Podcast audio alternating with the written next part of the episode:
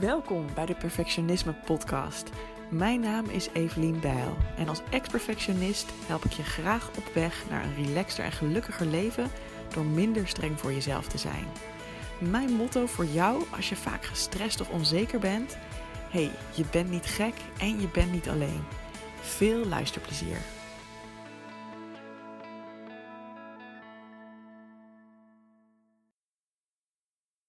Hey, leuk dat je weer luistert naar een nieuwe aflevering van de Perfectionisme Podcast. Mijn naam is Evelien Bel en ik ben de Perfectionisme Coach. En ik wil het vandaag met je hebben over hoe moeilijk we het vaak vinden om geld aan dingen uit te geven die te maken hebben met niet hele tastbare dingen. En zeker als dat geld aan onszelf uitgegeven moet worden. En om je meteen een voorbeeld te geven uit mijn eigen leven. Ik vond het best wel lastig om geld te investeren in dingen als mijn mindset. Um, dus bijvoorbeeld toen ik eigenlijk heel graag body image coaching wilde. dus dat ik minder streng zou worden voor hoe ik eruit zag en wat ik zou moeten eten om uh, slank te blijven. Daar wilde ik eigenlijk heel graag vanaf, want ik was daar te obsessief mee bezig. En ik had een traject gevonden, maar ik vond dat heel heftig, want dat was iets van 1500 euro. En ik dacht, ja, daar kan je toch niet zoveel geld aan uitgeven. En een tweede voorbeeld is dat ik um, als HSP'er, hooggevoelig mens, um, had gehoord dat er zoiets bestond als noise cancelling headphones. Maar, he, dus de koptelefoon waarbij je dus um, minder prikkels krijgt. Maar die zijn ook iets van, nou wat was het, 350 euro of zo. Tenminste, degene die ik dan had gezien. En dat zijn allebei van die voorbeelden waarvan ik dan in eerste instantie dacht: ja, dat is toch eigenlijk gewoon belachelijk veel geld. En ja, kan ik dat wel maken bijna? Ik kende ook niet heel veel mensen in mijn omgeving op dat punt die bijvoorbeeld geld investeerden in um, een online programma of in zo'n koptelefoon. En ik zat mezelf dan toch nog een beetje te vergelijken met anderen. En zeker wat langer geleden, dat was met die headphones al wel wat minder, maar rondom dat body image coaching en ook daarvoor had ik echt zo'n overtuiging van ja, maar je zou dit toch eigenlijk niet nodig moeten hebben, Evelien. Ik wilde eigenlijk heel graag normaal zijn. En met normaal bedoelde ik dat ik, net als andere mensen, um, gewoon geen last zou hebben van bepaalde dingen. Dus dat ik gewoon lekker kon relaxen, dat ik lekker kon ontspannen, dat ik mezelf gewoon kon accepteren zoals ik was. En um, ja, ik vond het eigenlijk ook maar een beetje zwak dat ik er zelf niet uitkwam. Um, en ik dacht echt van ja, moet je dan echt zoveel geld gaan investeren in coaching? Ja, en als je dan ook niet om je heen ziet gebeuren, uh, zeker met zo'n online programma, dat was toen nog relatief nieuw, dacht ik echt ja, dat. Ja, ik, het voelde gewoon bijna alsof dat niet zou mogen. En alsof dat heel raar zou zijn om daar geld aan uit te geven. Totdat ik op een gegeven moment ook een vergelijking hoorde van ja, maar weet je, als je een bril nodig hebt, dan ga je daar toch ook niet heel erg jezelf over zitten veroordelen. Van ja, hoezo moet ik hier geld aan uitgeven? Hè? Lenzen of een bril, dat kost ook gewoon honderden euro's per jaar. Daar ga je toch ook niet over in onderhandeling met jezelf. Dus waarom, als je bijvoorbeeld hooggevoelig bent of perfectionistisch of um, hè, een burn-out hebt gehad of iets anders, waarom zou dat iets anders zijn dan dat je een bril nodig hebt? En ik vond het eigenlijk een hele mooie vergelijking, omdat ik dacht, ja, inderdaad, ik zit op een bepaalde manier in elkaar. Uh, ik ben wat gevoeliger dan andere mensen, dus ik heb een net iets andere gebruiksaanwijzing dan misschien de gemiddelde mens. Dus als ik om me heen kijk en ik denk, ja, maar niemand anders investeert in online coaching of in zo'n dure uh, noise cancelling koptelefoon, dan is dat niet zo gek. En dan hoef ik ook, ik hoef dat eigenlijk misschien ook niet te vergelijken met anderen, want zij hebben misschien weer andere dingen nodig waarvan die ik weer niet nodig heb.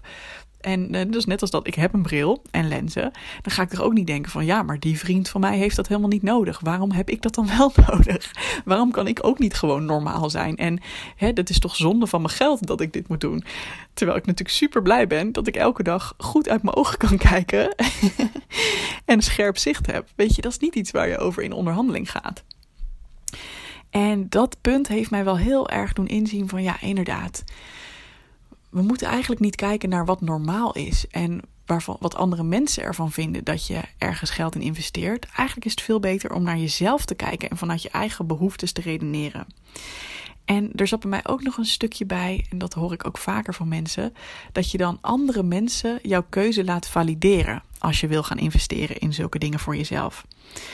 Dus in mijn geval kon ik mijn vriend vragen van, uh, ja, wat vind jij daarvan? Zou ik dat wel of niet moeten doen? Terwijl ik eigenlijk al wist dat hij altijd het antwoord zou geven, ja, nee, ik zou dat nooit doen. Ik zou er nooit zoveel geld aan uitgeven. Ik vind dat een beetje onzin of een beetje overdreven.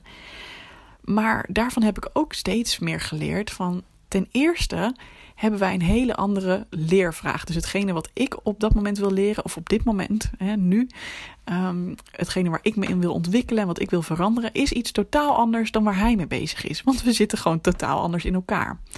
Dus logischerwijs, als ik mijn leervraag bij hem neer ga leggen en ga zeggen: moet ik dit online programma doen of niet?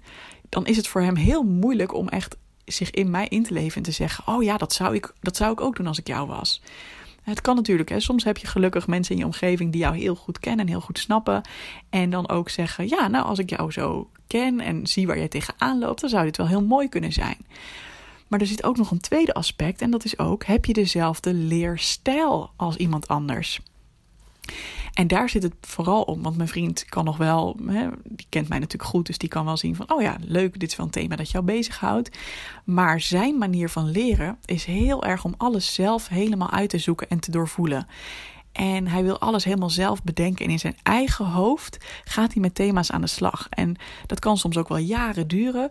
Um, maar uiteindelijk komt hij vaak wel op hetzelfde punt uit als dat ik uitkom. Dus met bepaalde uh, hoe dingen zitten. Hè, of um, ja, ja, bijvoorbeeld met zelfacceptatie en dat soort dingen. Dus dat is heel interessant. Maar ik heb een hele andere leerstijl, want ik wil het helemaal niet allemaal alleen doen. Ik raak daar heel erg gefrustreerd van. Ik ben ook iemand die houdt van snelheid en snel resultaat zien. En ik hou er heel erg van om een soort van shortcuts te krijgen van iemand die al is waar ik wil zijn. Dat is echt hoe ik leer. Dus ik ben dol op boeken, ik ben dol op podcasts en ik ben dol op online programma's van mensen waarvan ik denk. Ja, dat is waar ik heen wil groeien. Dat is hoe ik me wil ontwikkelen. Dit is wat ik te leren heb. En ik hou er gewoon heel erg van als zo iemand mij dan gewoon de concrete stappen geeft. Hoe diegene het gedaan heeft. Zodat ik dan kan kijken van hé, hey, werken die stappen misschien ook voor mij? Overigens is het alsnog, uh, kan het alsnog een ingewikkelde leercurve zijn hoor. Het is heus niet dat als je die stappen hebt, dat het dan allemaal in één keer allemaal op zijn plek valt. Nee, alsnog moet jij je die stappen ook eigen maken en dat gaan testen en experimenteren en merken wat er wel en niet voor je werkt. En ja, soms ook gefrustreerd zijn omdat je voelt, oh nee, ik wou dat ik nu al veel verder was, maar ik hang nog steeds een beetje hier vast. Maar alsnog heb ik houvast en heb ik support, want ik kies ook vaak dingen waar ik dan support bij krijg, van iemand waarvan ik weet: oké, die is al door dit hele proces heen gegaan. Dus nogmaals, super logisch dat als ik aan mijn vriend vraag: denk je dat ik mee moet doen aan dit online programma? Dat hij, als hij vanuit zichzelf redeneert, dan zegt: Nou, nee, dat zou ik niet doen. Dat lijkt me een beetje zonde van het geld. dus weet je, het heeft dus ten eerste niet zoveel zin om onszelf te vergelijken met andere mensen omdat zij misschien wel heel anders in elkaar zitten. En ten tweede heeft het dus ook niet zoveel zin om toestemming te gaan vragen aan een ander, omdat zij misschien ook wel zelf op een hele andere manier leren en hele andere overtuigingen hebben dan wij over wat de juiste manier is, tussen aanhalingstekens, om ergens te komen. Dus nou, als jij voelt dat je ook op zo'n punt staat en dat je denkt: ik wil graag een beslissing nemen over iets. Of dat nou het kopen van een product is, of een programma, of wat het ook maar is waarvan je denkt: oh, dat zou echt voor mij een verandering kunnen betekenen. Maar ik vind het nog heel spannend. Um, ja, mag ik mezelf toestaan daar geld aan uit te geven? Even tussen haakjes ervan uitgaan dat je dat geld op zich wel hebt natuurlijk. Ik kan niet in je portemonnee kijken. En als je dat geld niet hebt, is het natuurlijk een heel ander verhaal. Maar even ervan uitgaande, je hebt dat geld wel of je zou eraan kunnen komen. Maar je vindt het nog wel spannend van, oh, is dit wel die investering waard? En ja, is dit nou de goede keuze voor mij? Dan zou ik beginnen met de vraag: wat is hetgene dat jij op dit moment het allerliefst zou leren? Wat is hetgene dat jij het allerliefst zou veranderen in je leven? Of negatief geformuleerd, waar heb jij op dit moment in je leven het meest last van? En als dat datgene is hè, waarover je nadenkt, nou, dat is al een één indicatie van: oké, dit staat echt hoog op mijn lijstje en dit is belangrijk voor mij. En de tweede vraag die je jezelf dan kan stellen, dit zijn ook de vragen die ik mezelf altijd stel, is van wat voor impact zou dit maken op mijn leven als ik dit kon veranderen of als ik dit kon, le kon leren? hoe zou mijn leven er dan uitzien? Hoe zou dat voelen? Levert het me meer tijd op, meer rust in mijn hoofd, meer ruimte in mijn leven? Word ik er een blijer mens van, zeg maar, als ik dit kan veranderen? En dan kan je namelijk voelen van, is dit een nice to have? Van, nou ja, het zou leuk zijn, maar het zou niet echt impact op mijn leven hebben. Of is het bijna wel een need to have? Van bijna niveau, ik koop een bril. Want op dit moment zit dit patroon me zo in de weg.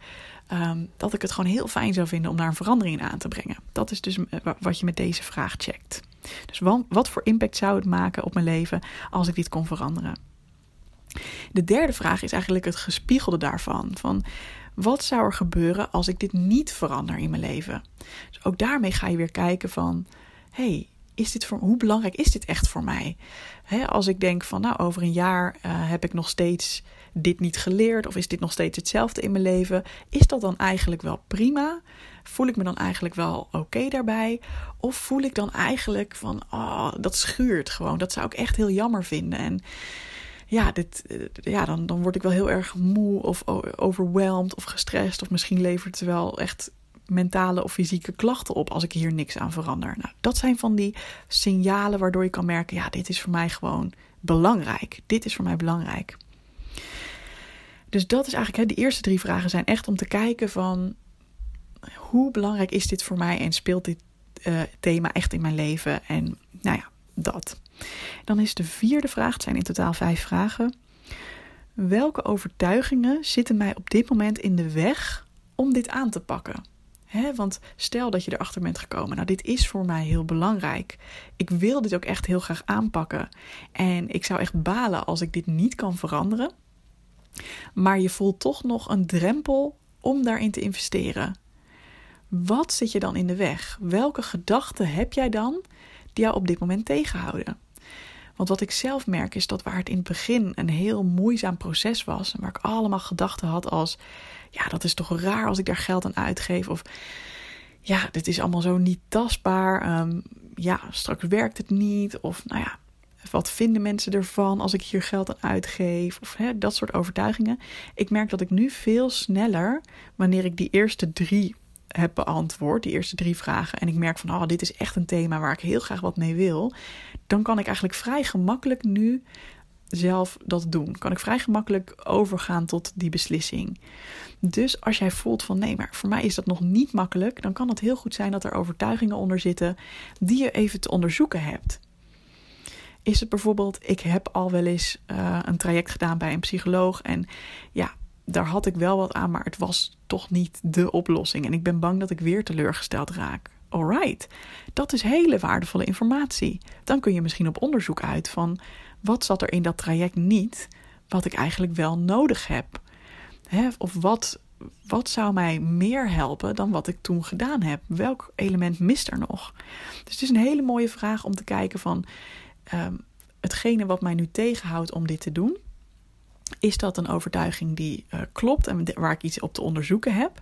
Het kan ook zijn op timing, waar ik het ook in een eerdere podcast over had. Van ja, ik wil dit heel graag leren, maar ik ben nu eerst echt met andere dingen bezig. En heb ik hier nu al wel de ruimte voor? Nou, dat kan een hele goede vraag zijn om jezelf te stellen. Maar het kan ook zijn dat er overtuigingen in de weg zitten die eigenlijk heel erg vanuit je zelfkritiek, vanuit je kritische rechter noem ik dat, ingegeven zijn.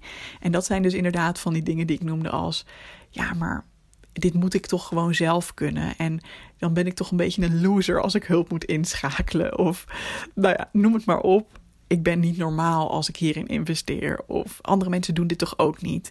En daar kun je natuurlijk naar kijken van, zijn die overtuigingen terecht? Um, dus dat. En dan heb je tenslotte nog de vraag, de vijfde vraag. Wacht ik onbewust of bewust nog op toestemming van een ander voordat ik hierin investeer? Dus zit er inderdaad nog ergens iets dat ik denk van, oh, ik weet eigenlijk wel dat ik dit heel graag wil. En eigenlijk weet ik ook wel dat ik het super belangrijk vind en dat dit voor mij echt een prioriteit is.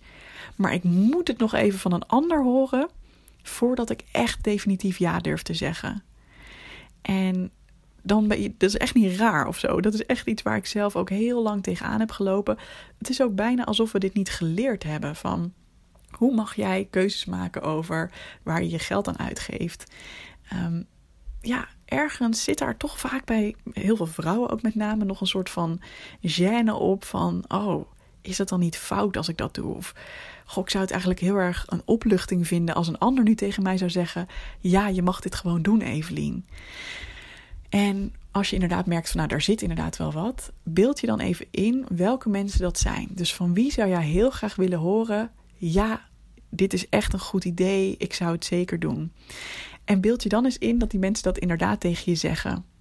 Voel je dan een soort van opluchting en een soort van excitement van oh, lekker, ik heb nu die toestemming. Yes, eigenlijk wist ik al lang dat ik het wilde en dat het belangrijk was, dus nu ga ik ervoor. Of gebeurt er iets anders? Of ga je dan juist denken: oké, ja, ik heb die toestemming, maar wil ik het zelf eigenlijk wel? Het is natuurlijk heel interessant, want als jij meteen, als jij denkt van nou, er zitten bij mezelf nog wat twijfels, dan kun je daarop in gaan zoomen. Van oké, kan ik die eens onderzoeken?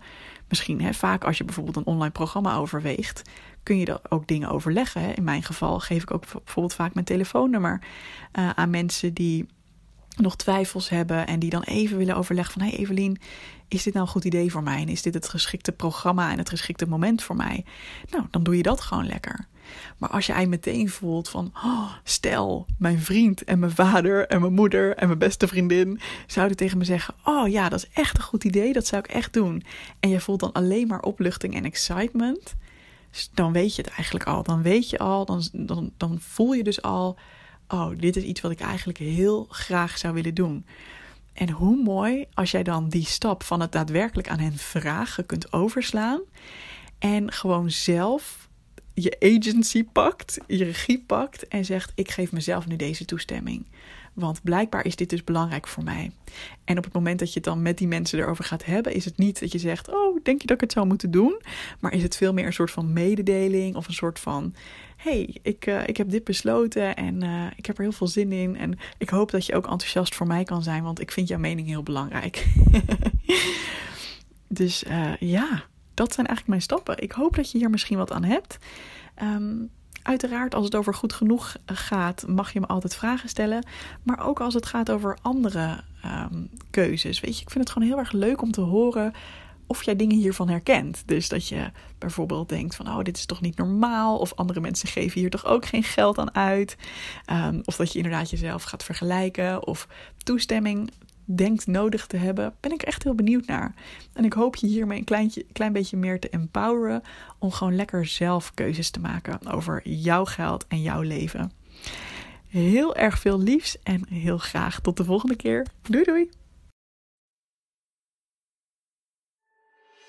Hey, vond je deze podcast te gek? Check dan zeker even mijn online programma Goed Genoeg, speciaal voor perfectionisten. Want heel eerlijk, in je eentje kun je ook een heel eind komen met het loslaten van je perfectionisme. Maar als je meedoet aan dit programma, heb je alle tools in handen om veel sneller deze ontwikkeling door te maken.